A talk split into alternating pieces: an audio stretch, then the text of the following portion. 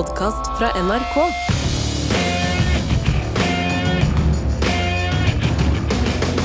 Hinter for swishen uh, ein bisschen Frieden Altså, det er et gåtefullt språk. Jeg har selv uh, røtter i dette landet. Jeg snakker om Tyskland. Altså, Tyskland har gitt oss uh, kommunismen og nazismen, men også Einstein og Rammstein. Og fra utsida så virker eh, Tyskland anno 2024 relativt stabilt. Men det sies at om man åpner døra og titter inn i ølhallen der, så er ting kanskje mer urolig enn man skulle tro. Og er det én ting historien har lært oss, så er det at når det blir dårlig stemning i Tyskland, så blir det fort dårlig stemning i resten av Europa også. For å forklare oss hvordan det moderne Tyskland fungerer, eventuelt ikke fungerer, har vi med oss en eh, vaskeekte ekspert. Hvorfor snakke med tyskere om Tyskland når det finnes nordmenn som vet veldig mye? Så slipper vi å ha noe med tyskere å gjøre. Hun er øh, forfatter, historiker, journalist. Hun har skrevet flere bøker om tysk etterkrigshistorie, bl.a. en jeg har lest om DDR. Redaktør for tidsskriftet Syn og Sein. Velkommen hit, Astrid Sverresdotter Dybvik. Takk for det. Astrid, er Tyskland viktig for oss i Norge eh, anno 2024? Ja, Tyskland er et veldig viktig land for oss. Altså For norsk økonomi så er det jo, den, altså det, er jo det landet vi samarbeider mest med. Og Tyskland er også den største økonomien innenfor EU. Mm -hmm. Gasseksporten vår går til Tyskland, og vi har et nært politisk samarbeid med Tyskland. Så vi har selv om mange kanskje ikke tenker så mye på Tyskland og ikke følger så nøye med på hva som skjer der, så er det som skjer der likevel veldig viktig for oss, både økonomisk og politisk også, etter hvert. Mm. Jeg så for ikke så lenge siden en liten dokumentar fra Wolfsburg, altså store folkevognfabrikken der. Og det var faktisk Det så ut som sånn humanitært framtidsparadis. Altså dette er virkelig sånn postindustriell industri. Det var sånn Folk gikk rundt med crocs, kaffekopp, strikkejakke. Veldig koselig. Og så er det noen sånne roboter som surrer rundt der og leverer noe greier. Altså fantastisk. Altså, det er liksom Tyskland på sitt Altså tysk effektivitet, da. Ja. Og liksom teknologi på sitt absolutt ypperste. Ja, det er jo sånn opplevelsespark der også, for ja, publikum. Ja. Er det? Ja, såpass. Sånn var det kanskje ikke på stålverkene til Krupp back in the day, men uh, dette er, det er jo og dette var et land som karret seg ut av eh, Som virkelig var en ruin i, etter andre verdenskrig. Eh, et mirakel. Er det, er det virkelig mot dette er altså motoren i Europas økonomi? Ja, og fortsatt er det jo det, sjøl om eh, man nå sliter veldig mye pga. Eh, den krigen mot Ukraina, fordi at hele energisystemet var fra før under omlegging, fordi at Tyskland skal legge om til grønn energi og fornybar energi. Mm. Og, nå, og, for å få til det, så satsa de stort på gassimport fra ja. Russland. Og når den forsvant, så sliter Tyskland økonomisk fordi at man har, er avhengig av energi utafra. Mm. Hva gjør de da? Nei, altså de eh, importerer fra, fra resten av, eh, av, Europa. Eh, og klarer seg, men energiprisene er mye høyere, og det er jo problem for, for hele næringslivet. Mm. Er det, jeg forbinder jo liksom Øst-Tyskland på 70-tallet med et par ting. altså Terrorisme, venstreradikal terrorisme, men også sånne svære atomkraftverk, og så motstand mot de. Ja. Det, de finnes fremdeles, disse atomkraftverkene? Nei, det siste gikk, ble tatt av nå i fjor eh, var det vel. Og Eller det var i år, ja. Eh, og det, det, var jo en enorm seier for egentlig den kampanjen som starta med partiet De Grønne. Ja. Eh, fordi at eh, Europa, eller fordi at Tyskland mente at det var for Altså er jo opptatt av å være trygg. Så Tyskland er jo også det mest forsikra folket i, i, Europa. Og det her med atomkraftverk midt inne i de områdene der det bor aller flest folk i Europa, var det jo stor skepsis til, rett og slett. Mm. Og det handla litt om at Tyskland også sikkerhetspolitisk er veldig utsatt, fordi at man hadde Russland på den ene sida, og hvis, at, hvis, det blir en ny storkrig i Europa, så kommer den til å bli utkjempa, sannsynligvis i Tyskland, siden det ligger mm -hmm. der det ligger. Mm. Og da er den eh, eh, Altså, det har vært en kampanje fra De grønne også, fordi at man mente at det eh, ikke Altså, man tar ikke vare på naturen da, gjennom, gjennom atomkraft. Og så ble det egentlig nå er det jo politisk konsensus i Tyskland om at man skal ikke ha de, så de ble tatt bort. da. Men det har ikke vist seg nå at kjernekraftverk var kanskje ikke så verst allikevel? Nei, altså sånn det... på, grønne, på grønn side? Jo, altså det, det, som, det som, skjedde da de, akkurat da de, da de, ble tatt av, så oppsto jo den energikrisa, så da ble det jo konflikt likevel. Ja. Og nå vil et parti som heter CSU, som er et sånn konservativt eh, parti i Bayern, de vil, eh, vil ha de tilbake. Og det samme vil også det ytre høyrepartiet Alternativ eh, for Tyskland. Bayern har alltid vært altså var Bayern som fikk det første atomkraftverket, og også som stengte det siste atomkraftverket. Så det har vært sånn viktig næring i Bayern. da. Mm. Du som sagt har skrevet, skrevet en bok om DDR. Eh, nå er det 34 år siden Berlin, Berlinmuren falt og Tyskland ble gjenforent. Eh, finnes Øst-Tyskland ennå?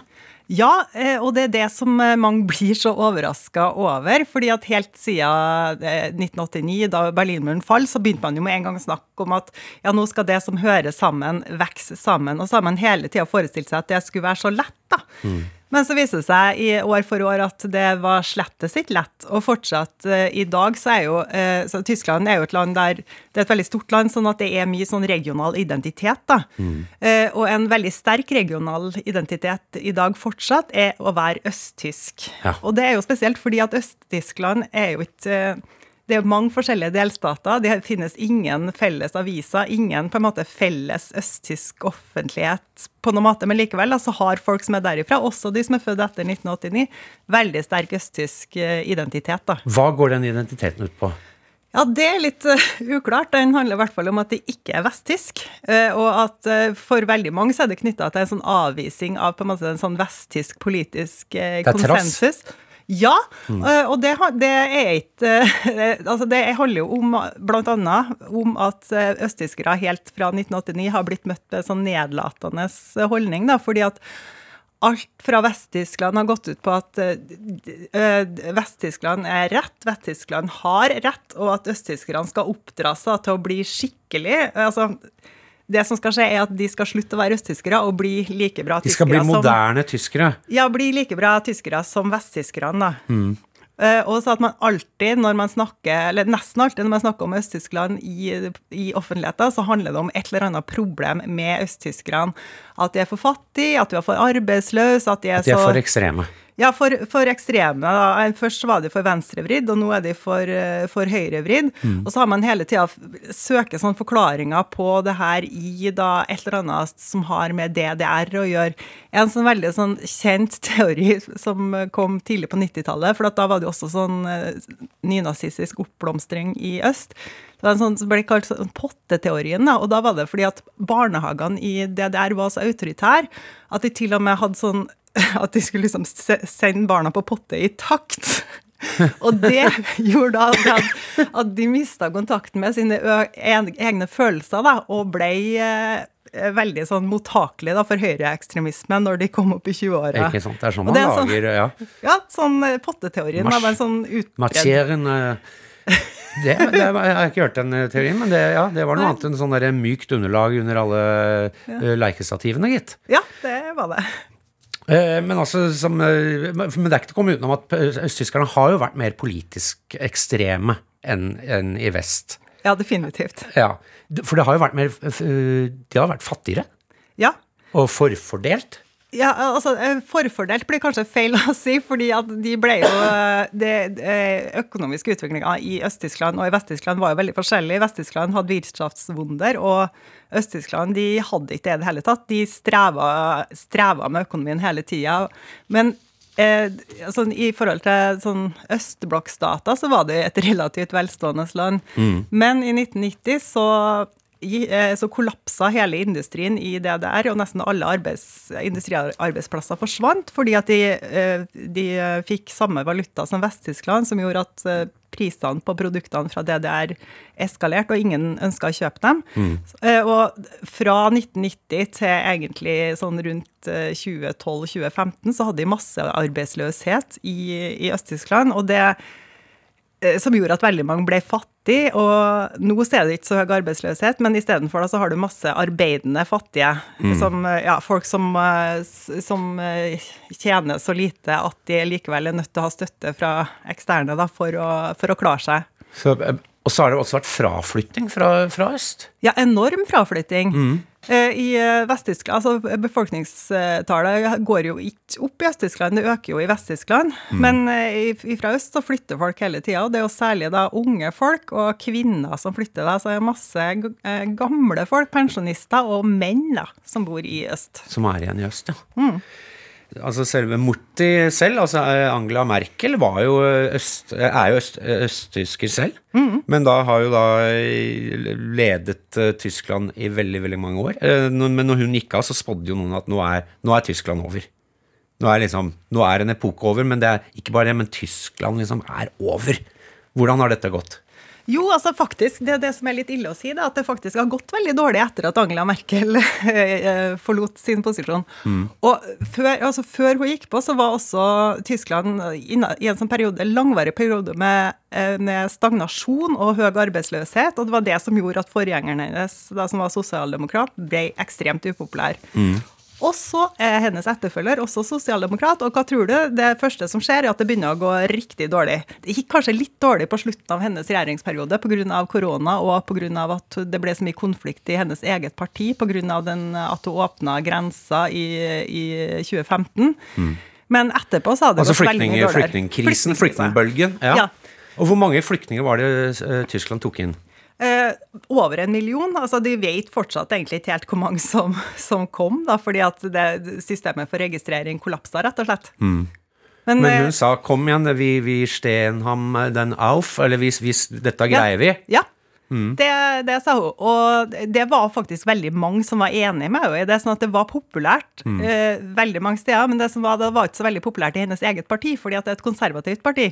Og de syntes med en gang sånn Nei, brems lite grann, da var det veldig mange som sa der. Så det gjorde at, uh, at det ble enorme konflikter blant konservative. Og det åpna jo også opp for det her partiet Alternativ for Tyskland, som var et sånn her miniparti som egentlig var mest sånn eurokritisk, men så ble det kuppa av sånne innvandrings- og islamkritikere rundt 2015. Og da fikk de en sånn kjempesak som gjorde at de, at de ble et stort parti. Og de er jo fortsatt et eh, Eller nå er det jo et mye større parti i Tyskland nå. Hvor store er AFD nå? På målinga har de vært rundt 20% i nesten hele år, eh, som jo er enormt. Men de har altså eh, I forrige valg så fikk de 10 da, men det betyr jo at de har nesten 100 representanter i forbundsdagen. da, Så det er et svært parti, pluss at de finnes i eh, nesten alle delstatsparlament. da.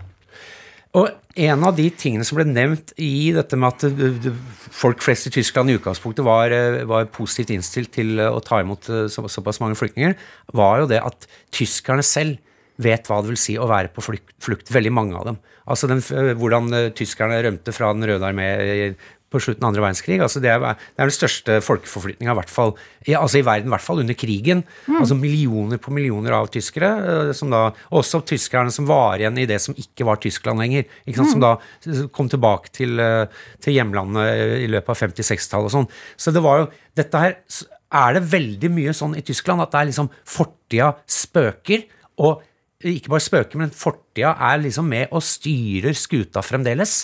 Jeg tror i veldig stor grad, rett og slett.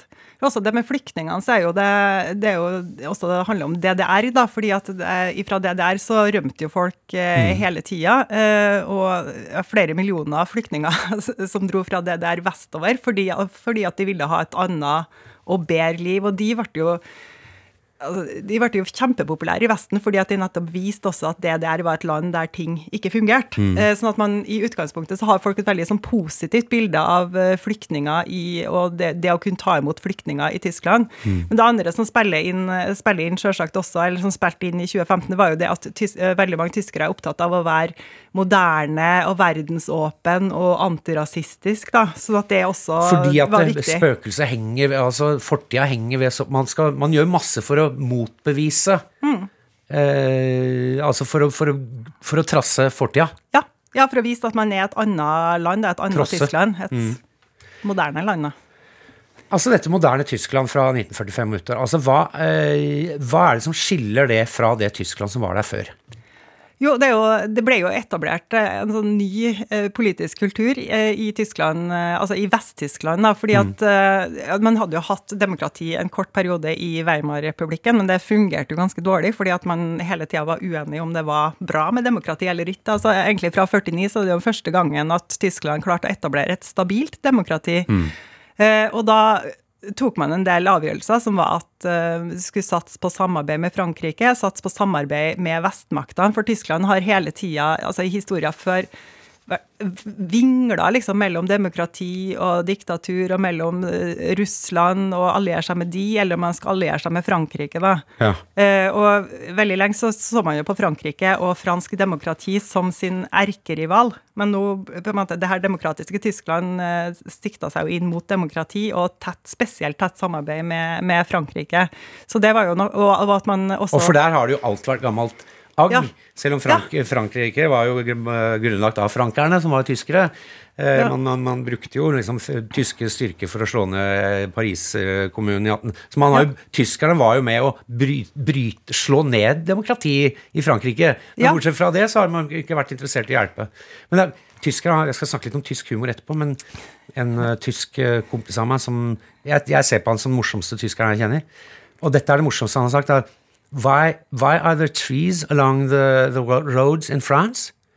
Because German soldiers like to march in the shade. Oh yeah. Skjønner du? Så det er jo gammel historie her. Ja.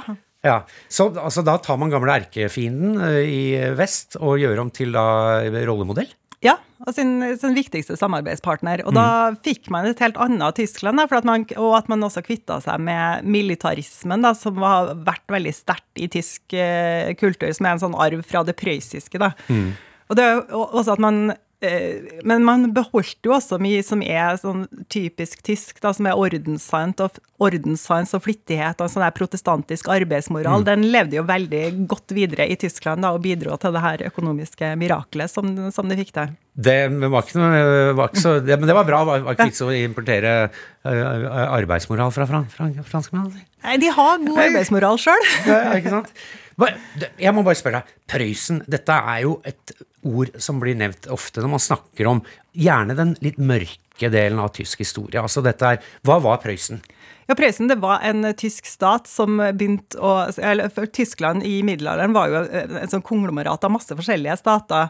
Mm. Det Habsburgriket, altså Østerrike, var den sterkeste staten. Men så fra 1600-tallet så vokste Prøysen fram fordi at det var et sånn maktvakuum liksom rundt Berlin-Brandenburg. og så ble de egentlig større og større pga. krig. Da. Dette var det østlige, altså østlige delen av, av, den kultur, altså av Tyskland, da, kan vi ja, si. Østlige av det tyske. Ja, og det, uh, hovedsetet er Berlin-Brandenburg. Uh, uh, og at de, de, inkluderte også da Prøysen, som er egentlig østdel av Polen og mm. Baltikum mm. i dag.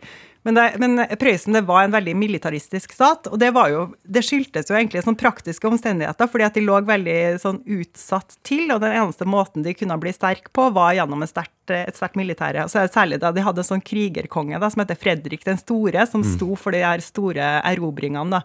Og han omtalte seg altså som en sånn krigskunstner, da, for at han starta veldig mange kriger, og han vant alle de her krigene. da, Og så ble, sånn ble Prøysen ei stormakt da, på grunn av krig. Ja, dette hjelmen med denne piggen på toppen også, altså er veldig sånn ja. prøys... Altså det vi tenker på som militaristisk tysk, er jo, er jo veldig mye av det er prøyssisk. Ja, det er, det er prøyssisk arv. Altså, og det var jo et veldig strengt uh, altså altså aristokratisk samfunn, det prøyssiske. Ja. Veldig tydelig maktfordeling, og med enormt mektige landeiere. Og så var det da resten av folka som var nærmest uh, slaver. Men altså de landeiernes uh, gutter sønner ble jo, gikk på da sånn offiserakademier. Mm. Og arr i ansiktet. Og det er fektearr, for det var fekting på skolen, og du hadde liksom ikke gått på det akademiet hvis, du, hvis du kom tilbake til godset til herregården uten sånne arr i kinna. Og det er det man kjenner igjen fra liksom, litt sånn usympatiske Wehrmacht- og SS-offiserer man ser bilder fra. Så kan mm. du se at de har sånne arr i ansiktet. Mm. Det betyr at de er, de er blitt oppdratt til å være militaristiske krigere. Ja, de hadde også det at de hadde sånn Føydalismen varte veldig lenge i Prøysen, fordi at de hadde helt fram til, til 1918, altså helt fram til eh, til, til Weimar-republikken, så hadde de et sånn treklassevalgsystem. som at at valgrett, De hadde allmenn stemmerett, da, men at overklassen hadde en tredjedel av stemmen, og de var jo 1% av folket. Ja, ja. Middelklassen hadde en tredjedel av stemmene, og de var jo kanskje 15% Og arbeiderklassen, eller Røkla, da, hadde også en tredjedel av stemmene, og de var jo nesten hele folket. Ja. Så da, det var jo, overklassen var jo veldig forfordelt da, i, i valgsystemet. så det og de, og de kvitta seg da med det her føydale systemet først i, i, i 1918, som jo er litt seint. Men det som er viktig eller det som er viktig for meg å si om Prøysen, det er jo det at Prøysen var mye mer enn denne militarismen, fordi at det var også et sånn kulturstat. Nei, nå ble jeg skuffa. Ja. Og de, de forma Altså, de, de, hadde, de var dyktige byråkrater. Da. De er liksom forbilde for, eh, for byråkrati i verden. For det er et sånn profesjonalisert, effektivt byråkrati. Mm. Og så er det jo også det her, de her humboldtske universitetsidealene, som er et sånt felles ideal egentlig for alle universitet i verden. Det er jo også en prøyssisk oppfinnelse. Ja, Så- Humboldt universitetet i Berlin er Ja. veldig, eh, veldig Ja, ikke sant. Sånn Skoledannende. ikonisk Skoledannende skole, si. Ja, skoledannende skole, og det Mm. er prøyssisk også. så det Prøysen har, altså at Hvis man tenker bare på militarismen, så bommer man litt sånn, Mm. på det prøyssiske. Men dessverre, det var den militarismen fra Prøysen som ble veldig definerende for Tyskland. Mm. Og det er også da Tyskland ble en uh, selvstendig Eller da Tyskland ble samla i, eh, i 1871, så var det jo Da fikk du en prøyssisk keiser, og det var egentlig en samling under sånn prøyssisk Ja. militarisme. Så så da de Prøys- overtok Tyskland, Prøysen egentlig. var egentlig Det vi tenker på som et tysk som klassisk hus, er egentlig prøyssisk. Ja, at, eh, ja, en del av at det var en sånn prøyssisk takeover da, av Mm. et eh, sånn heterogent tysk område. Dette gamle Men i mellomtida har det jo skjedd ting, si. Ja. Og det er jo et paradoks at det var jo det prøyssiske, det som var igjen av det prøyssiske i det tyske, som ble til da eh, DDR. Ja, Langt på vei, ikke sant? ja eh, både, både geografisk og at de bevarte en del av det her eh, altså autoritær kultur fra Prøysen. Ja. Eh, Sto seg godt også innafor Men nå med røde stat. faner eh, i, eh, Ja. for, foran. ja. Mm. Eh, Jeg var i DDR en gang, i 1985. Oi. Ved feiltagelse, nærmest. Vi skulle på interrail og skulle til Berlin. Jeg visste ikke at vi måtte rulle gjennom, eh, altså inn på land. Det var en østtysk togferje. Folk hadde så rare klær. Så jeg, jeg, hvorfor, Nei, dette er jo østtyskere. Jeg bare, What? Og da hadde jeg bare amerikansk pass. Jeg ble livredd. Men de var veldig hyggelige, de vaktene. Men de hadde automatrifler. Altså, det så ut som en, en agent, en politisk eh, thriller. Når man kom rulla i land på, midt på natta i, i hvordan dette var. Um, så, så var vi i Vest-Berlin, og så dro vi til Øst-Berlin uh, på dagstur da, og fikk se litt. Og det var veldig rart. Ja, det tror jeg Det var som å komme For at man skjønte at man var i nåtid, men det var veldig mye som var litt gammelt og rart og annerledes. Det var veldig eksotisk. Ja, altså ikke noe reklame. Nei. Eller lysreklame. At du var kjent for at det var helt mørkt der på kveldene. Spesielt, altså. Ja, det tror jeg på. Eh, Men så er det altså I hvilken grad har um, dette liksom dette gamle autoritære vi ser for oss, dette, denne veldig, eh, veldig inndelte samfunnet ikke sant? med, med førere, off, offiserer, landeiere og sånn. Eh, hvordan har det, har det overlevd i Tyskland? Jeg tenkte på når de, Nå ble det jo avslørt et sånt hø- høyreradikalt kuppforsøk nå for to år siden. Og han som da skulle lede det, eller være, bli innsatt som overhode, var sånn keiser Eller sånn baron konge Maximilian 13. Altså bare sånn fyr. Og så, så bildet han sånn vaffelvest. Han så ut som om Blomsterfinn og Fabian Stang hadde fått en sønn som eh, eh, altså, altså, det var så latterlig å se sånn karikert moderne europeisk overklassemann. Ja. Eh, men eh, hadde den bevegelsen der eh, røtter i, i, i det prøyssiske, liksom? Eller altså i det gamle adelige? Ja, i gamle adel sa det jo, for at det er sånn eh, kongehuset Royce, da. For at det som er, Tyskland hadde jo veldig mange sånn adelshus og hertughus, da. De her var sånn, det her er jo ikke et spesielt viktig adelsfamilie. Nei. Men eh, de holdt det i Tyringen, som er i gamle øst, og Mm. da, måtte de, da dro de jo vestover, for at det var litt dårlige kår for adelen da, i, i det der. Og etter at eh, Mm. Så dette er fallert adel som mista alt, og som gjerne vil kreve det tilbake? ja, men det, har ikke mista alt, for han er styrtrik. Familien er styrtrik, men det, han vil ha tilbake også det eiendommen som gikk tapt i Tyringen. Ja, Får de det? Fikk de Nei, det? Nei, nei. og det, derfor ble han så bitter. Ah. Og da sier slektningene hans, da, for de ble jo litt eh, han- Det er en stor familie, og de ble veldig flau over han da, og følte at han prins av Røys da, at han satte familien i dårlig lys. Og så sier det sånn at han gærna litt på det, da, fordi at han ble så besatt av at han skulle ha tilbake noe sånn egentlig ganske små slott da, i Tyringen. Ja, ja. Eh, og, altså, og derfor så ble han så bitter på staten og skulle hevne seg Ja, ikke sant? med Og det her. hevde at eh, kapitulasjonsbetingelsene ikke gjelds, at det moderne Tyskland eh, rent konstitusjonelt er ugyldig. Det var morsomt, ja, for det, det stedet hvor det store razziaen var, var jo et sånt gammelt jaktshot. Det så, det så ut som tull. Det, så, det var så karikert, da. Ja. Ehm, hvor, hvor, stå, hvor sterkt står denne skal vi si, høyreradikalismen eh, i, i Tyskland i dag? Som, som du sa tidligere, var mye snakk om det på 80-, 90-tallet. Spesielt 90-tallet, da, at det var fremvekst eh, i det gamle eh, Øst-Tyskland. Hvordan, hvordan ligger vi an i dag? Nei, altså den eh, sånn, sånn type sånn nazister er sånn, sånn som kalles nazister av den type som kaller seg sjøl nazister, de er ikke så veldig sterke. Og at de er veldig sånn undergrunn og litt sånn der eh, bygdetullinger, veldig voldelige og klarer liksom ikke å Eh, Sånn, sånn typisk folk som ikke klarer seg så godt i samfunnet, da, og som er mye, mye slåssing på. Men sånn ytre høyre, altså høyreekstremisme står jo veldig sterkt. Altså, I flere, tyske, flere østtyske delstater så har jo det her partiet Alternativ for Tyskland eh, over 30% altså i målinger. Og i, øst, i nesten hele Øst-Tyskland så er partiet kontrollert fullstendig av politiske ekstremister, som er sånne folk som avviser demokrati som styringsform. Og de ønsker da det de, eh, de ønsker da det de kaller remigrasjon, da, som er en utvising av statsborgere med etnisk bakgrunn som de ikke setter pris på. Altså, det, er sånn, det, det spiller ingen rolle for de om de har eh, altså, De bryr seg ikke om om man har eh, statsborgerskap, statsborgerskap. eller, eller oppholdstillatelse. fordi at hvis de har feil etnisitet, så har det ingenting med Tyskland å gjøre, og da skal de da for utvises da, for, å redde, for å redde Tysklands framtid. Men denne, for det er det man tenker med Tyskland, det er sånn derre ja, Sentrumspolitikken har liksom aldri, som sa Weimar eh, var en sånn men liksom, det har, det har vært nazisme hele altså, eh, Og ikke minst den, den bevegelsen som oppsto på 70-tallet med, altså med voldelige terrorister på venstresida, altså Badi Meinhof og Røde armé-fraksjon. Hvorfor eh, det, det ser jeg også på som litt sånn særtysk, selv om det fantes jo lignende bevegelser i Italia og Japan og sånn. Hvorfor og det leste jeg at Ulrikke Meinhof og sånn, de hadde, de hadde bakgrunn fra den lutherske ungdomsbevegelsen i Tyskland. Altså, det var sånn, hva, hva er storyen der? Her ser vi også fortida kanskje spiller inn.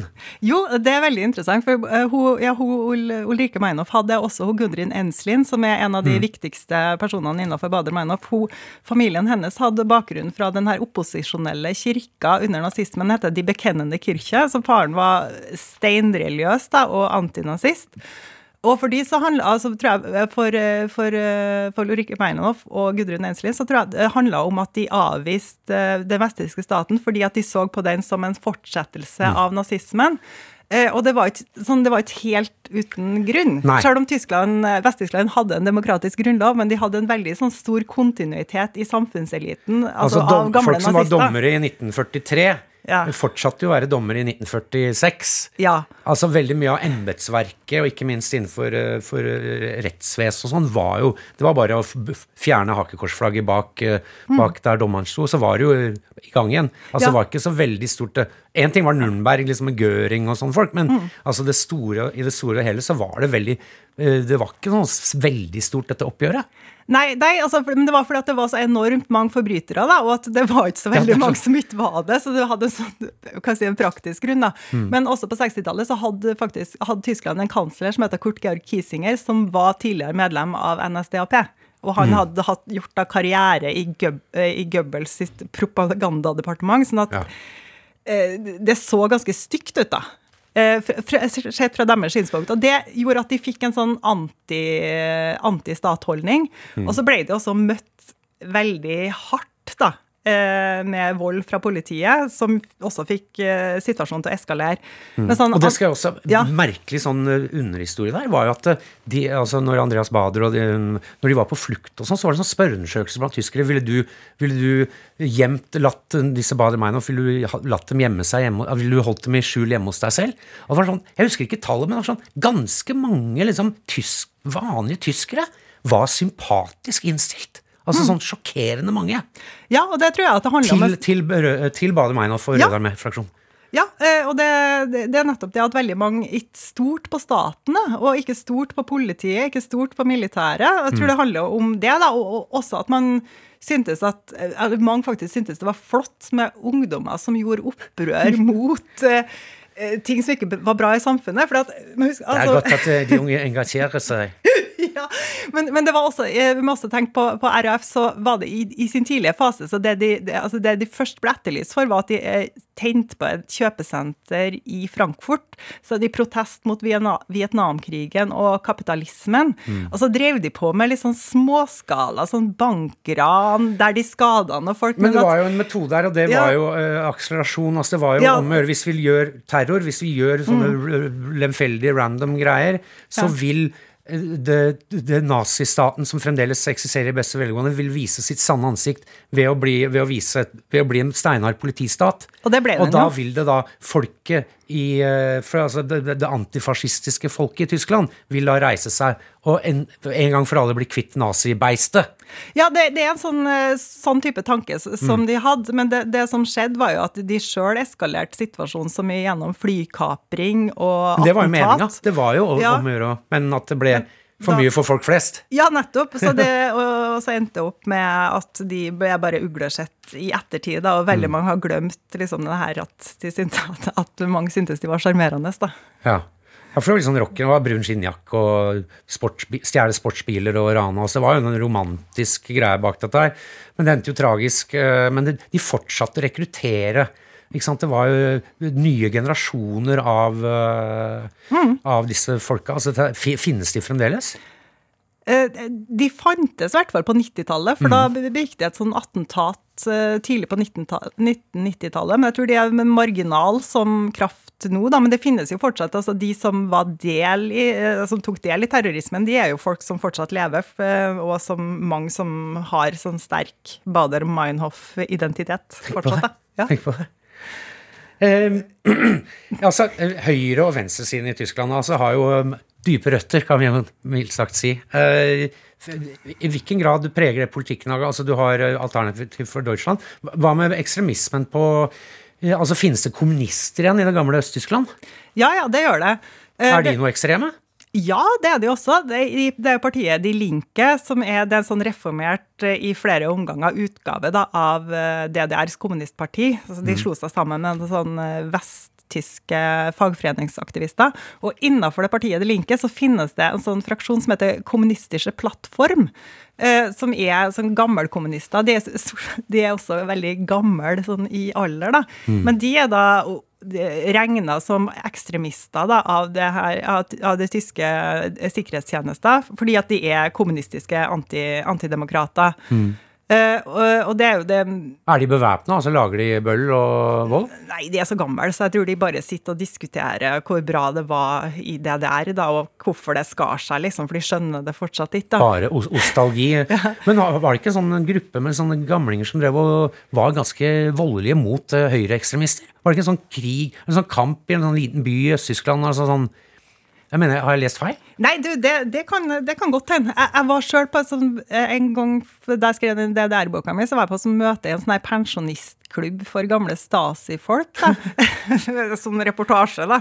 Eh, Og da, da satt de og snakka om at de skulle reise hele gjengen til Dresden da, for å protestere mot eh, For hvert år i, i februar i Dresden så er det en sånn kjempestor nazimønstring da, der de, snakker, der de eh, protesterer, da, eller minnes bombinga av Dresden av de allierte under krigen. fordi at de de kaller det sånn bombeholocaust, da, og prøver liksom å få det til å høres ut som, eh, som nesten like Ja, ille som sånn der holocaust. Brannbombing av Dresden er jo en veldig liksom, symbolsk sak for veldig mange høyreekstreme i Ja. verden over. Mm. Ja, At de skal minnes da tyskere som offer, det er veldig viktig. og de her Stasi-pensjonistene de skulle reise ned da, hele gjengen for å protestere mot denne nazidemonstrasjonen og var veldig ivrige. For at de er jo antifascister. Det er det jo. Stasi-folk, liksom. Det er sånn. Men også, det finnes jo veldig sånn stort sånn autonomt miljø i Tyskland som er sånn, eh, sånn type blitz, da, men gange litt Ja. gærnere, da, siden de er Den har vært veldig sterk siden 70-tallet, og det er også kanskje med noen bånd til de venstreterroristene vi snakka om i stad. Men altså, Ja, det har vært veldig stor med husokkupant, eh, husokkupasjoner, og dette vet jeg alt om, for jeg har spilt på 100 autonome jugendsentrum.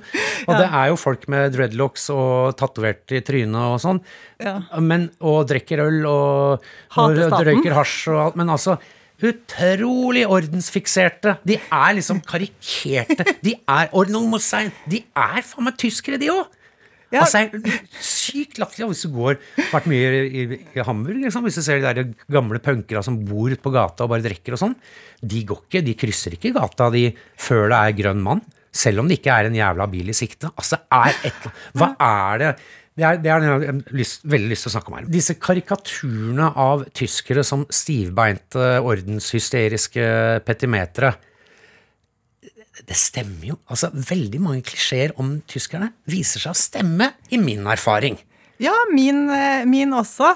Og jeg, jeg las noe veldig morsomt her om dagen. eh, Fra, altså I eh, 1848 så forsøkte da eh, en gjeng tyskere å lage en sånn demokratisk revolusjon i Tyskland. Og da samla de seg i Paulskirche i Frankfurt. Og der var han Jakob Grimm, altså han ene Grimm-broren som samla de her eh, ja. ja, eventyrsamleren. Og da holdt han et innlegg der han snakka om den tyske folkeånden. Og det han sa, det var at de nettopp de var petimeter, ordensfolk, og liksom ja ordnung må sein, da. Så, og han, av noe, må jo være den som kjente den tyske folkeånd i den grad den finnes, aller best. Så ja. ja altså, det er jo noe med, med tyskere man jeg, jeg, jeg er glad i dem. Og så ler jeg litt av dem. Men det aller fineste jeg veit her i livet, altså det fineste man kan gjøre omtrent med buksa på, da, for å si det sånn, det er å høre på monologene til den store tyske filmskaperen Werner Herzog. Jeg har bare lyst til å høre på to av de nå, for dette her er gudenes eliksir. Altså, jeg kan ligge om kvelden og høre på dette her timevis i uh, Men dette har blitt et popkulturelt fenomen. Dukker i, han dukker opp i The Simpsons med disse her monologene sine. Uh, la oss først høre en liten eh, Herzog-monolog fra, fra Grizzly Man, denne filmen om han Timothy Treadwell, en sånn rar type som bestemte seg for å bosette seg sammen med grizzlybjørner i Alaska. Det gikk ikke så veldig bra. Her er altså Herzog som snakker om eh, hva han ser i øynene til disse grizzlybjørnene, som da bryter veldig med det denne bjørnefantasten Treadwell så i øynene på bjørnene som han bosatte seg sammen med. Eh, hør på dette. I discover no kinship, no understanding, no mercy. I see only the overwhelming indifference of nature. To me, there is no such thing as a secret world of the bears. And this blank stare speaks only of a half bored interest in food. Ja, eh, altså, det er fantastisk. Dette her er det tyskeste jeg vet om, men også noe av det herligste jeg vet om verden. Eh, jeg hører på et, uh, Herzog, en Herzog-monolog til. Da, jeg tror han er i jungelen og filmer Fitzcarral, en av disse Sør-Amerika-filmene. Her er hans syn på naturtilstanden i jungelen. It's a land that God, if he exists, has, has created in anger. It's the only land where, where creation is unfinished yet. Taking a close look at, at what's around us, there, there is some sort of a harmony. It is the harmony of overwhelming and collective murder.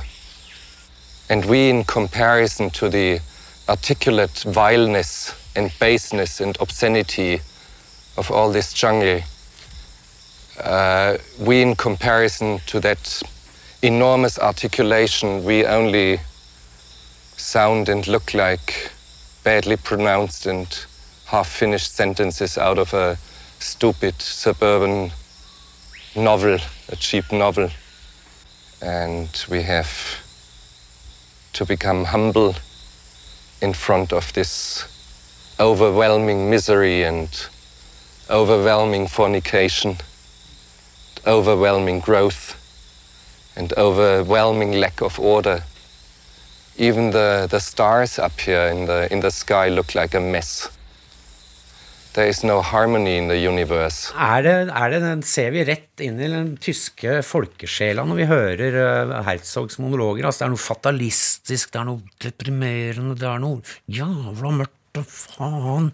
Liksom, og det at man greier ikke å temme jungelen, det irriterer han jo. Ja. Eller han bryter med romantikken rundt Det tenker jeg er hederlig, liksom. Men det er litt sånn ah, Vi kan ikke temme dette, dette her. Jeg tror Er, det. er, er, vi, er vi inne på noe her? Definitivt. Vi er jo tyskere i Norge på langt vei. Altså, vi snakker jo et germansk språk. eh, Vi har jo hatt mye med dem å gjøre, på, på godt og vondt, kan vi si. Eh, tyskerne er ganske like oss nordmenn på mange områder, men veldig ulike på andre områder. En som har bitt seg eh, spesielt merke i det, er vår venn Trygdebeistet. Uh, guten Tag, uh, Selters. Uh, altså, jeg er veldig glad i Tyskland. Jeg har til og med vært der en gang. Tok Kiel-ferja, tok toget rett til Reeperbahn i Hamburg, og jeg må si jeg liker den frigjorte tyske måten å tenke på. Jeg har faktisk uh, en liten fetter sjøl, må jeg innrømme. Da har jeg på meg drakt som halve er sånn lærsvart lærfrakk, og andre er sånn stripete fangedrakt. Andre sida. Og så er der ene hånda mi er kommandant i fangeleir, og den andre er uh, krigsfange, og så blir torturerer de og koser med meg de to hendene. Altså, Jawohl, herr Geile lagerkommandant heter den leiken, da. Men sjøl jeg, som er så seksuelt frigjort som jeg tross alt er, altså jeg har sett ting i bladhyllene på reperbanen, så altså jeg kaldsvetter når jeg tenker på det, og da må jeg bare spørre, hva, hva faen er det med den tyske pervokulturen egentlig?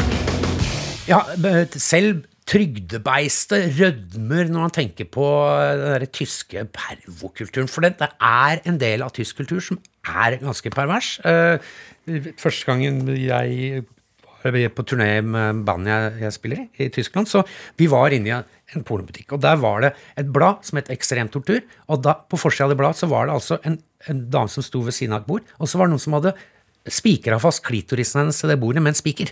Og jeg ble så satt ut av dette her, så vi ble intervjuet en rockest, eh, på en rockeradiostasjon samme kvelden. Hadde ikke kommet ut av det. Så spurte jeg hva, forklarte jeg hva jeg hadde sett. Hva er det med dere tyskere, sier jeg som, akkurat som trygdebeistet. Og så svarte han. Us Germans, we work hard, we play hard. Hva, Astrid, hva er det, Hva er denne mørke sida Altså, hva er dette med tyskere med liksom uh, fetisj, fetisjer og lær og uh, SPSM altså, er et eller annet som det er Et eller annet som gærent med dem. Ja, men det er, det er ikke min, eh, mitt spesialfelt eh, her, men de har, eh, det er vel at de har også en annen lovgivning. da, F.eks. med prostitusjon, så er jo prostitusjon det er jo legalt. Og det som man mener, eller oppfatter at folk mener, det er jo det at det eneste problematiske sida ved prostitusjon, det er hvis det eventuelt er ufrivillig fra den prostituertes side, men det regner man med at stort sett ikke forekommer, da. Men dette med liksom at det virker som det er et eller annet makt involvert i ting. Altså, ting er hierarkisk. Det har, er det liksom det gamle Prøysen som henger igjen, da? I liksom det to ekstreme greiene? Er det Altså, det, er vanskelig for meg å ta en sånn komparativ her sammenligna med briter, liksom, eller Ja, ja. sammenligna med franskmenn. Altså, jeg vet faktisk ikke, men, men eh, altså, man drar jo inn sin egen eh, kultur også i sin, i sin seksualitet, og forskjellig, forskjellig tabu. Og i tysk historie så er det veldig mye uniformer, det er veldig mye hierarki, og det er veldig mye sånn maktforskjeller. da. Det er mange som syns det er spennende, da. Mm. Men også veldig mye vold da, i, i historia. Mm. jeg tenker eh, når, du, når, man, eh, når jeg snakka med tyskere liksom, liksom, er dere er dere er så ordensfiksert, og bla, bla, sånn, da, da er det flere som har sagt nei, vi er ganske anarkistiske, faktisk, min mein Freund Thomas. For vi, vi elsker Pippi Langstrømf. Ja. Pippi Langstrømpe det, det, det har visst vært veldig veldig stort i Tyskland. Og det Ja. bruker, det, det, de ser på henne som sånn anarkistikon. Ja, men det er jo det sprøeste du kan få det, sikkert, sånn i, i Tyskland. Også Emil, og ekstremt populær i, i Tyskland. Altså Altså, Rampete barn, ja. det er en sånn fri- frihetsmanifestasjon for tyskere. Ja, det, det, kan, man, det kan man tåle, da. Ja. Enormt, enormt populært. Ja, og jeg tror første gang jeg kom til Tyskland eh, på, på interrail, så tenkte jeg nå skal vi ned til nazi... Vi skal til, jeg tenkte at vi skal til Nazi-Tyskland. Liksom, dette henger igjen. ikke sant? Så først vi kom ut av toget i- på, i, Vest-Tyskland, i Hamburg. Og det, da var det en langhåra politimann som sto og hjalp en sånn gammel junkiedame som hadde fått brent av seg halve ansiktet. Han hjalp henne med å rulle en sigarett. Sånn koselig hippie i politiuniform. tenkte vi, nei, de, de kommer ikke til å gjøre dette her på nytt. De kommer ikke til å lage noen nazi... Og noen uker etter så var jeg i Frankrike. Da så vi franske politifolk i sånne svarte kevlardrakter som drev og banka opp, eh, liksom, banka opp eh, arabergutter. tenkte jeg, å, kanskje her kan det skje ting? Ja. Eh, hva tenker du? Vil, vil Tyskland henfalle til det, det gamle, mørke autoritære? Eh, Totalitære? Eh, Nå er det jo veldig mye snakk om det i Tyskland pga. at eh, partiet Alternativ for Tyskland er så stort, og at det også de siste årene gjentatte ganger har blitt, avslørt sånne konspirasjoner innenfor politiet milit eller militæret, eller gjerne en sånn kombinasjon av de to, med folk som de snakker om dag X, da, som er en dag der eh, det skal skje et eller annet. Da, egentlig Repets skal- dag? Ja, at det skal skje en revolusjon i Tyskland, da, og Mm. de skal bli tatt over da, av de egentlige sanne Tyskland. Og da driver de på f.eks. å lage lister over hvem, det som er, hvem de skal kvitte seg med, hvem, er det som er, hvem skal interneres, eller at de driver på med masse, masse sånn prepping, da, sånn samle forråd av våpen og penger og sånn. Og det var jo det også denne gjengen rundt han der prins Royce, Royce Ja. drev på med, sparte opp penger og ammunisjon og, og alt mulig. Eh, og man vet jo ikke altså, eh, Nå jobber jo sikkerhetstjenester veldig tett for å prøve å avsløre den type konspirasjoner. Det hadde jo ikke gjort så mye før, da, men det skjer jo igjen og igjen. Altså, det er en sånn tanke da, om at noen skal ta over det, som er utbredt, da, altså, uten at man vet hvor, hvor sterk den er. da. Det har jo vært veldig streng lovgivning. altså, et, øh, altså Vest-Tyskland altså et, et, øh, vestlig, liber, veldig liberalt demokrati på mange måter, men det har også vært sånn veldig er, Man har forbudt partier. Man overvåker folk som man tenker kan være nazister. Hakekors, alt sånn, sånn gammel symbolbruk er strengt forbudt. Hvordan har det der forbudslinja funka? Ja, det er jo det som man må, tenke sånn kontrafaktisk. Da. Altså, fordi at de skaper jo åpenbart eh, eh, motstand. Eh, og mange altså, blir interessert i den type tenking fordi at de skal provosere, da. Eh, men samtidig så det, ble jo Det er jo en del av den vesttyske grunnloven fra 49, da, og, det, der har man også noe som heter evighetsklausulen, da, som, er det at, eh, som sier det at den tyske staten skal aldri være noe annet enn et liberalt eh, demokrati. Eh, Og at man da har veldig store fullmakter da, til å slå ned på de som prøver å gjøre det til noe annet. Så det vil si at man har så store muligheter da, til å gå autoritært til verks mot det som er staten, eh, staten sine fiender. Eh, og det, men I 1949 så var det jo go- god grunn til det, fordi at landet var stappfullt av gamle nazister som hadde veldig lyst til å gjøre Tyskland til en annen type stat. Og så, har, man- så har man bare bevart det gjennom historien da, og slo f.eks. veldig hardt ned på, som vi snakka om, eh, Bader-Meinhof. Og man slår også veldig hardt eh, til da, mot partiet Alternativ eh, for Tyskland, fordi at de er fiender da, av den staten som finnes i Tyskland. Så nå driver man altså aktiv overvåkning av det som faktisk er øh, et av landets største partier? Ja, altså delvis overvåking, da, at det er, det er så intrikat lovgivning. Da, fordi at det, det man gjør sånne undersøkelser, så skal man finne ut om de er helt eh, Det de kaller det gesichert rettsekstrem. Og det, et, det nasjonale partiet er ikke definert som gesichert rettsekstrem, men veldig mange delstatspartier er det. Og veldig mange sånne miljøer rundt, da, som er sånn f.eks. For type forlag eller tenketanker, da, er, er, og, og også enkeltpersoner. Denken-danken? Jeg håper det heter Denke-danken.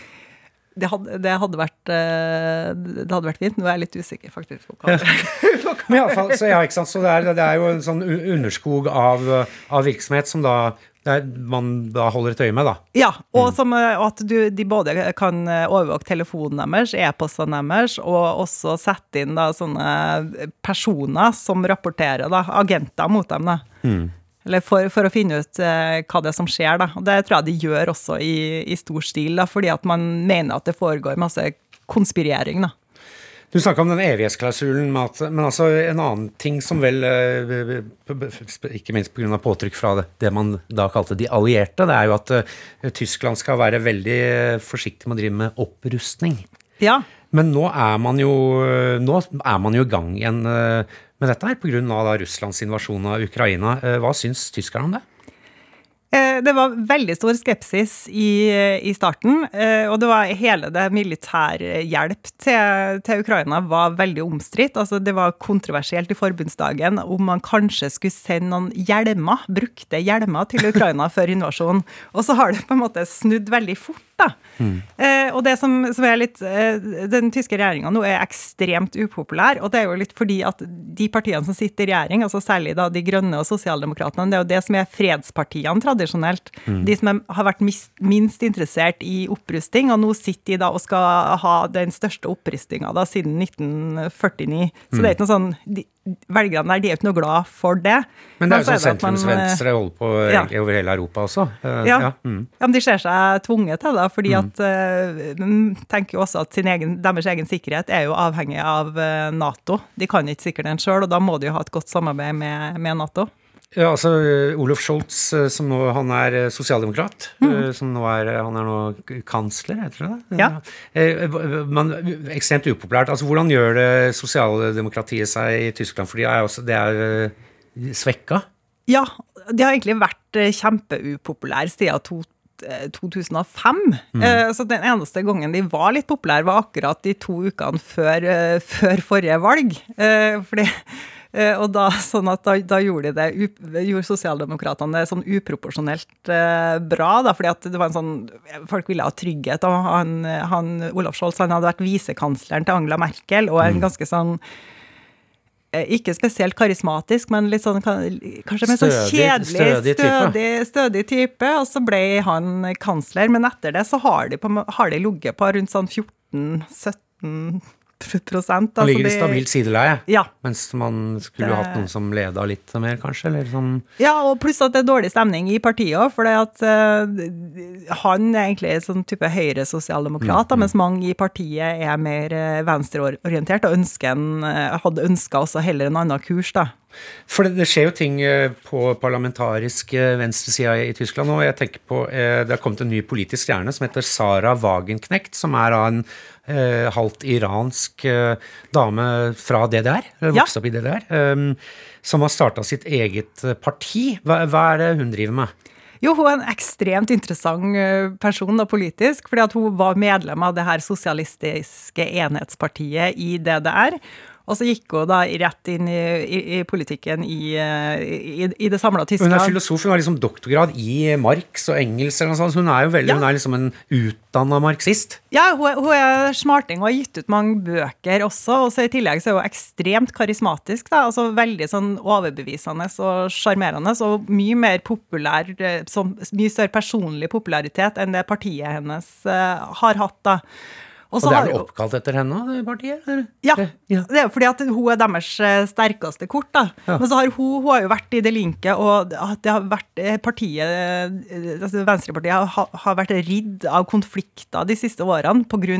at hun har ment at de var for altså, smiska for mye med sånn der urban middelklasse og mm. sånn antirasisme, klimasak og sånne ting som egentlig ikke er viktig for arbeidsfolk. Det har hun sagt i mange år. Og så har hun, hun prøvd også å starte en sånn der eh, populistisk bevegelse som skal være et sånn motsvar til Alternativ for Tyskland, som heter Aufstehen. Mm. Men det, det er langt der ute i sanden. Hun er jo for en mer restriktiv innvandringspolitikk. Ja, det er jo Og, og det er nytt på uh, tysk venstreside? Ja, også at det skal være strengere integreringskrav mm. og Men der syns jeg var ganske fordi at du vet, det var en sånn uh, ganske skandaløse greier på noen nyttårsaftenfeiringer rundt omkring i tyske, uh, tyske, byer for noen år tilbake, med da, uh, hvor en del av disse som hadde kommet med den flyktningbølgen i 2015, uh, menn der som drev og forgrep seg på, på damer under nyttårsfeiringen ute på torg og sånn. Ganske sånn skandaløs, ganske bedriten oppførsel. Mm. Da sa hun at sånn skal man ikke oppføre seg når man, er,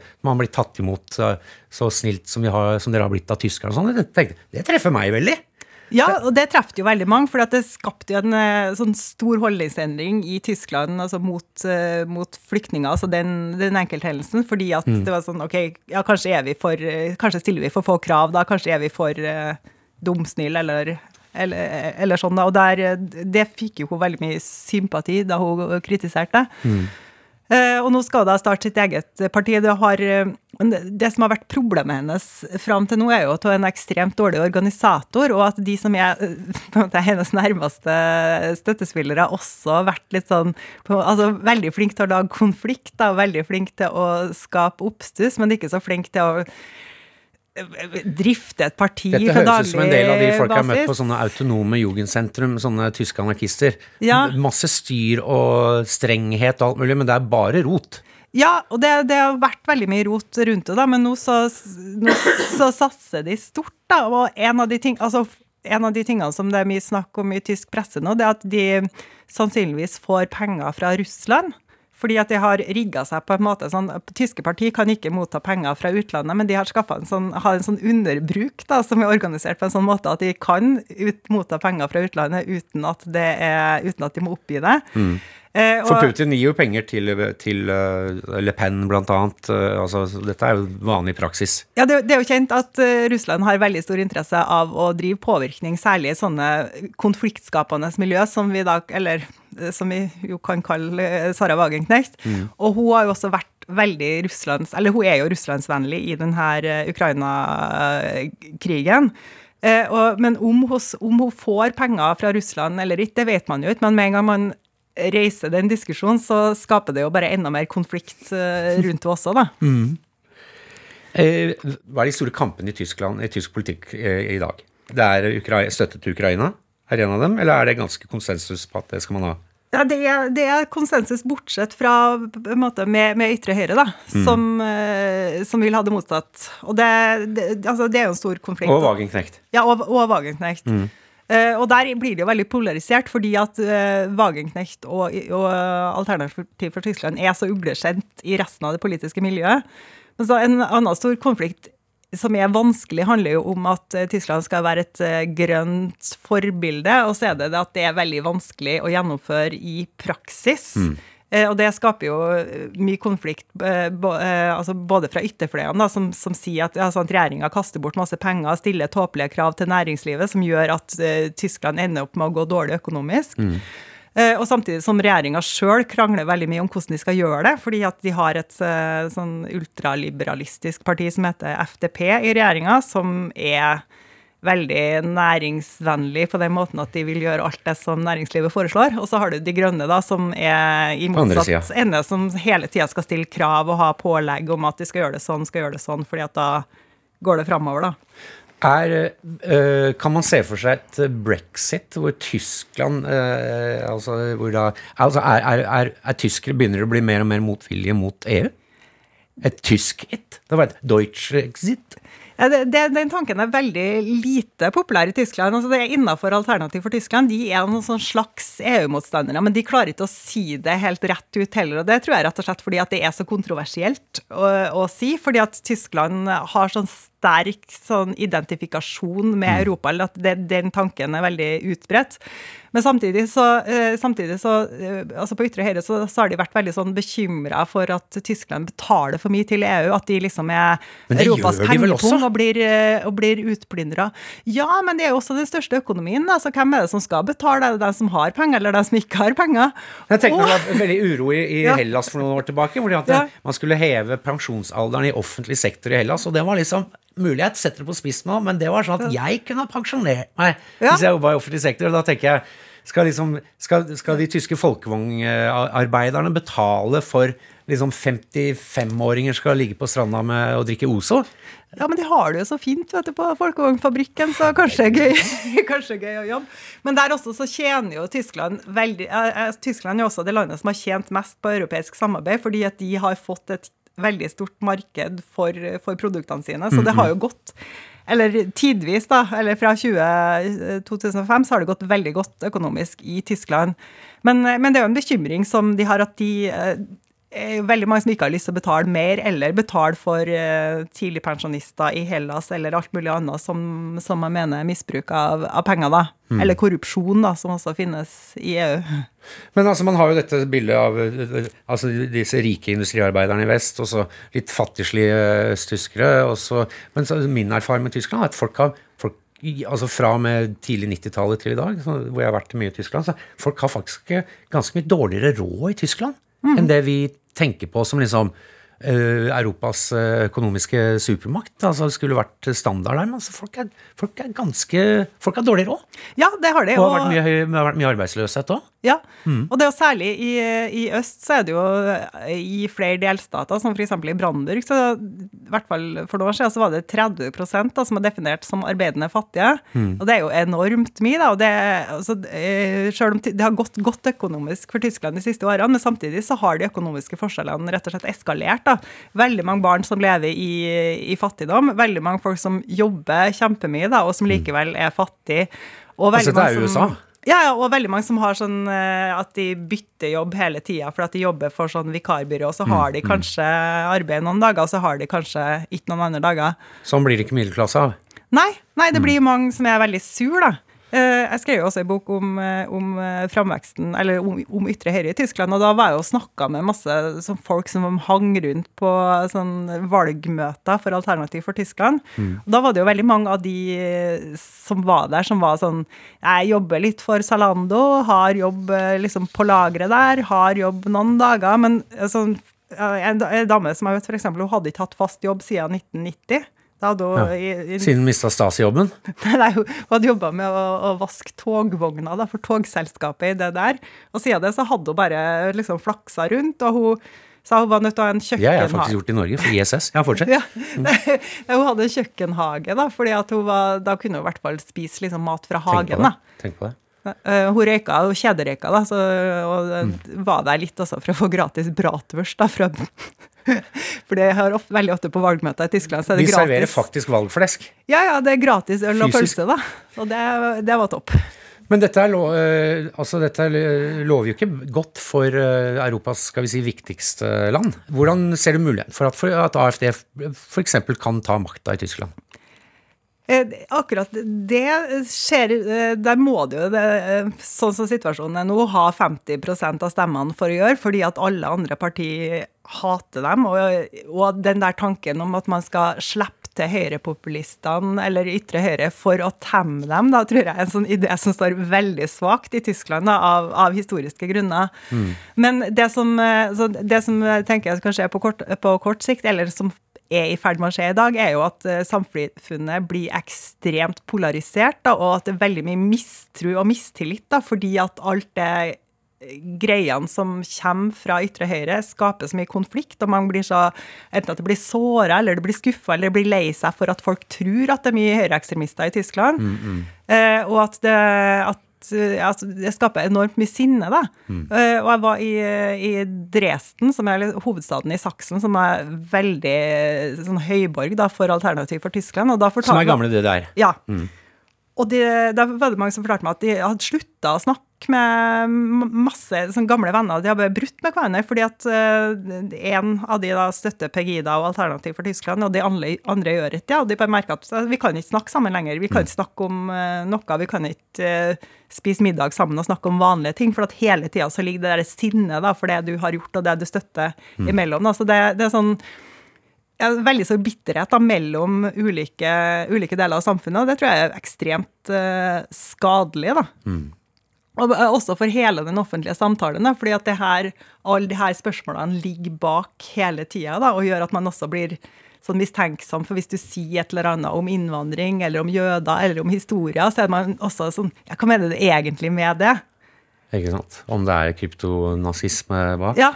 Eh, Du, du nevnte jøder. altså i Det vanlige i verden har jo blitt sånn at venstresidefolk holder med Palestina, og høyresidefolk holder med Israel. Men i, i Tyskland så er det vel nesten, omvendt? Ja, der har man historisk venstresida stått vært veldig sånn opptatt av, eh, av Israel og av å støtte Israel. Og det er jo fordi at venstresida også var de i Tyskland som drev fram det her oppgjøret med nazismen, da, og er de som har fått etablert denne kulturen med at Tyskland tar ansvar for sin fortid gjennom å ta veldig sterk avstand fra den. Og der er det jo eh, høyresida som på en måte har promotert et annet syn. da. Kan vi mildt sagt, altså tradisjonelt sett, de har litt ballast. Ja, Har litt bagasje. Ja, ja, men så også som at, du, at de også kan uttrykke altså, eh, antisemittisme som kommer til uttrykk sånn i form av kritikk av Israel. Er det, Er, eh, vil Tyskland, altså dagens, eh, 20, dagens 18-åringer i Tyskland vet altså De har fått med seg andre verdenskrig Ja, i høyeste grad, eller? Eh, Det har, altså de skal ha det i henhold til skolepensum og i henhold til sånn offisiell politisk kultur. Men eh, stadig vekk så er det sånn, sånn sånn sjokkoppslag om at altså, de, har ikke, de vet ikke det engang, eller de blander sammen eh, ditt og datt og liksom tror, at tror at det var Russland som starta, eller at det var Sovjetunionen som starta andre verdenskrig, f.eks. Det fins jo folk som, som eh, som kan lite også. Mm. Men også så er det jo at eh, de som er unge i Tyskland i dag, er jo veldig annerledes enn de som, eh, enn den her venstresida på 60-tallet som eh, sto for det her oppgjøret med nazismen. For det er veldig eh, altså, de har veldig lite å gjøre liksom, med den tida. Ja. Og Tyskland er mye mer multikulturelt. Sant? Veldig, mye- veldig mange tyskere har familiebakgrunn fra Tyrkia eller fra, eller fra Midtøsten, og har helt andre sånn, historiske referanser da, enn den her klassisk, eh, klassisk tyske. sånn at det er jeg tror det er veldig forskjellig, da, det sier jo alle sammen i dag også, at denne Israelsvennligheten som er veldig synlig hos regjeringa og hos, på en måte fra det offisielle Tyskland, den er ikke like synlig blant ungdommer, for. Da. Den er ikke like sterk blant eh, Nei. unge tyskere. Nei, at de er mer som vanlige europeere, da. når tror du Tyskland kommer til å være ferdig med krigen? Jeg tror egentlig aldri, fordi at eh, man, er, man har det, det er historie som de har med seg hele tida, og det er historie som de også må ha med seg, fordi at vi andre har den med oss også. Vi har, altså I Norge har vi ikke glemt at vi ble okkupert. Don't mention the war. Yes. I'm mentioning Ja. ja, Polen har definitivt ikke glemt det, og sånn at Frankrike har ikke glemt det. sånn at de kan ikke operere internasjonalt som om det ikke har skjedd, når alle andre vet det. Eller Israel kommer jo aldri heller til å, Kommer til å alltid til å være litt kremting og flakking med blikket, si. Ja, Med flakking med blikket. Eh, eh, hvor er Tyskland om eh, 20 år? Er det eh, revet i stykker? det er veldig Som du sier, det er jo, det er jo litt det er et mini-USA. Det er jo delstater. Det er en del uh, eh, interne kulturelle forskjeller. Uh, altså, hvor, hvor, hvor ser du Tyskland om 20 år? Jeg håper jo at det vil være et eh, veldig variert eh, land da, med fortsatt eh, en del forskjeller. Men eh, nei, jeg er veldig usikker, for jeg, jeg, siden jeg har sett så mye på høyreekstremisme i Tyskland, så ser jeg det jo kanskje som en større fare enn det muligens er. da. Men samtidig så er det jo den, eh, det, det er jo det som den tyske sikkerhetstjenesten også mener er landets største problem. Mm. Men sånn, det jeg vet, er jo at flertallet av tyskere ønsker jo et sånn stabilt, demokratisk eh, land. da. Eh, At det, det, altså det de ser for seg, at er et stabilt, eh, demokratisk land som har en sterk økonomi, og som er grønt, da, og som er eh, flerkulturelt i en eller annen forstand. Da. Så jeg håper jo at eh, det Tyskland som fler, flertallet vil ha, er også det som, som vi vil se da, i framtida. Astrid Sverresdotter Dybvik, tusen takk for at du kom og fortalte om uh, Tyskland. Takk, Filen vielen dank til de- dere som hørte på. Eh, tusen takk til eh, Silje Martinsen Vettere og Marco Reinertsen, som lager Trygdekontoret sammen med meg. Mitt er Thomas Seltzer. Eh, og eh, bleipt trygden. Til neste gang så har det bare én ting å gjøre, nemlig bleipt trygden. Get trygdet. En podkast fra NRK. Det du trenger, er en ukentlig humorpodkast som tar humor på alvor. Og nyheter på enda alvorere. Vi gir deg det gøyeste om det siste, og det siste om det gøyeste. Det siste om det gøyeste. Det gir mening hvis du ikke tenker på det. Satire. Harselas. Drøyt, men innafor. Hør Desken brenner i appen NRK Radio.